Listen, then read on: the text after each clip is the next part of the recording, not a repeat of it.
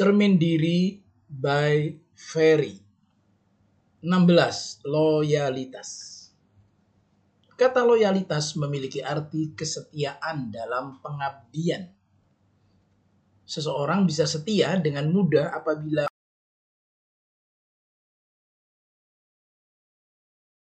bagi dirinya sendiri. Tetapi ketika ia harus mengorbankan sesuatu atau merasa dirugikan, maka loyalitas atau kesetiaan pun memudar. Di masa sekarang ini sulit ditemukan orang yang benar-benar loyal. Mengapa? Karena pola hidup pengabdian telah bergeser menjadi pola hidup individualis, yaitu pola hidup yang mengarah kepada kepentingan diri sendiri.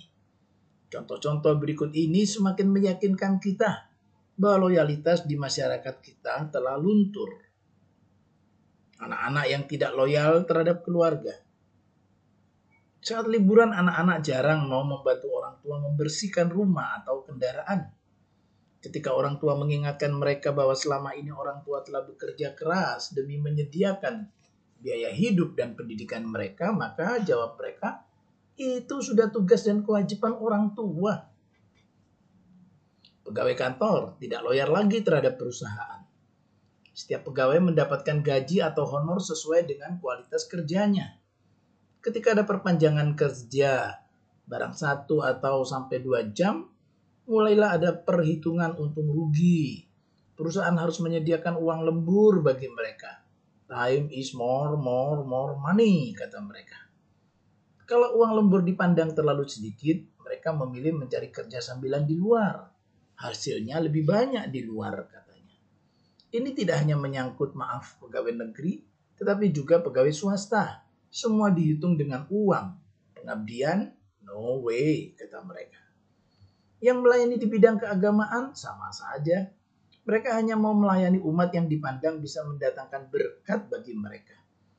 Siar keagamaan hanya dilakukan di tempat-tempat basah yang jika dihitung-hitung masih bisa untung mereka datang hanya ketika diundang, bukan karena dorongan hati atas dasar kepedulian.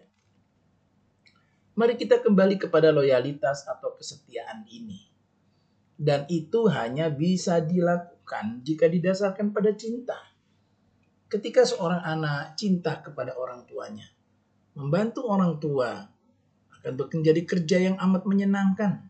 Ketika seorang pegawai cinta kepada pekerjaan dan perusahaannya, ia rela mengabdikan hidupnya lebih dari perhitungan bisnis semata. Ketika seorang agamawan cinta kepada Tuhan dan umat yang dilayaninya, maka ia tidak akan memandang muka. Semua dilayani dengan hati yang tulus dan bersih. Masalahnya adalah, masihkah cinta itu ada?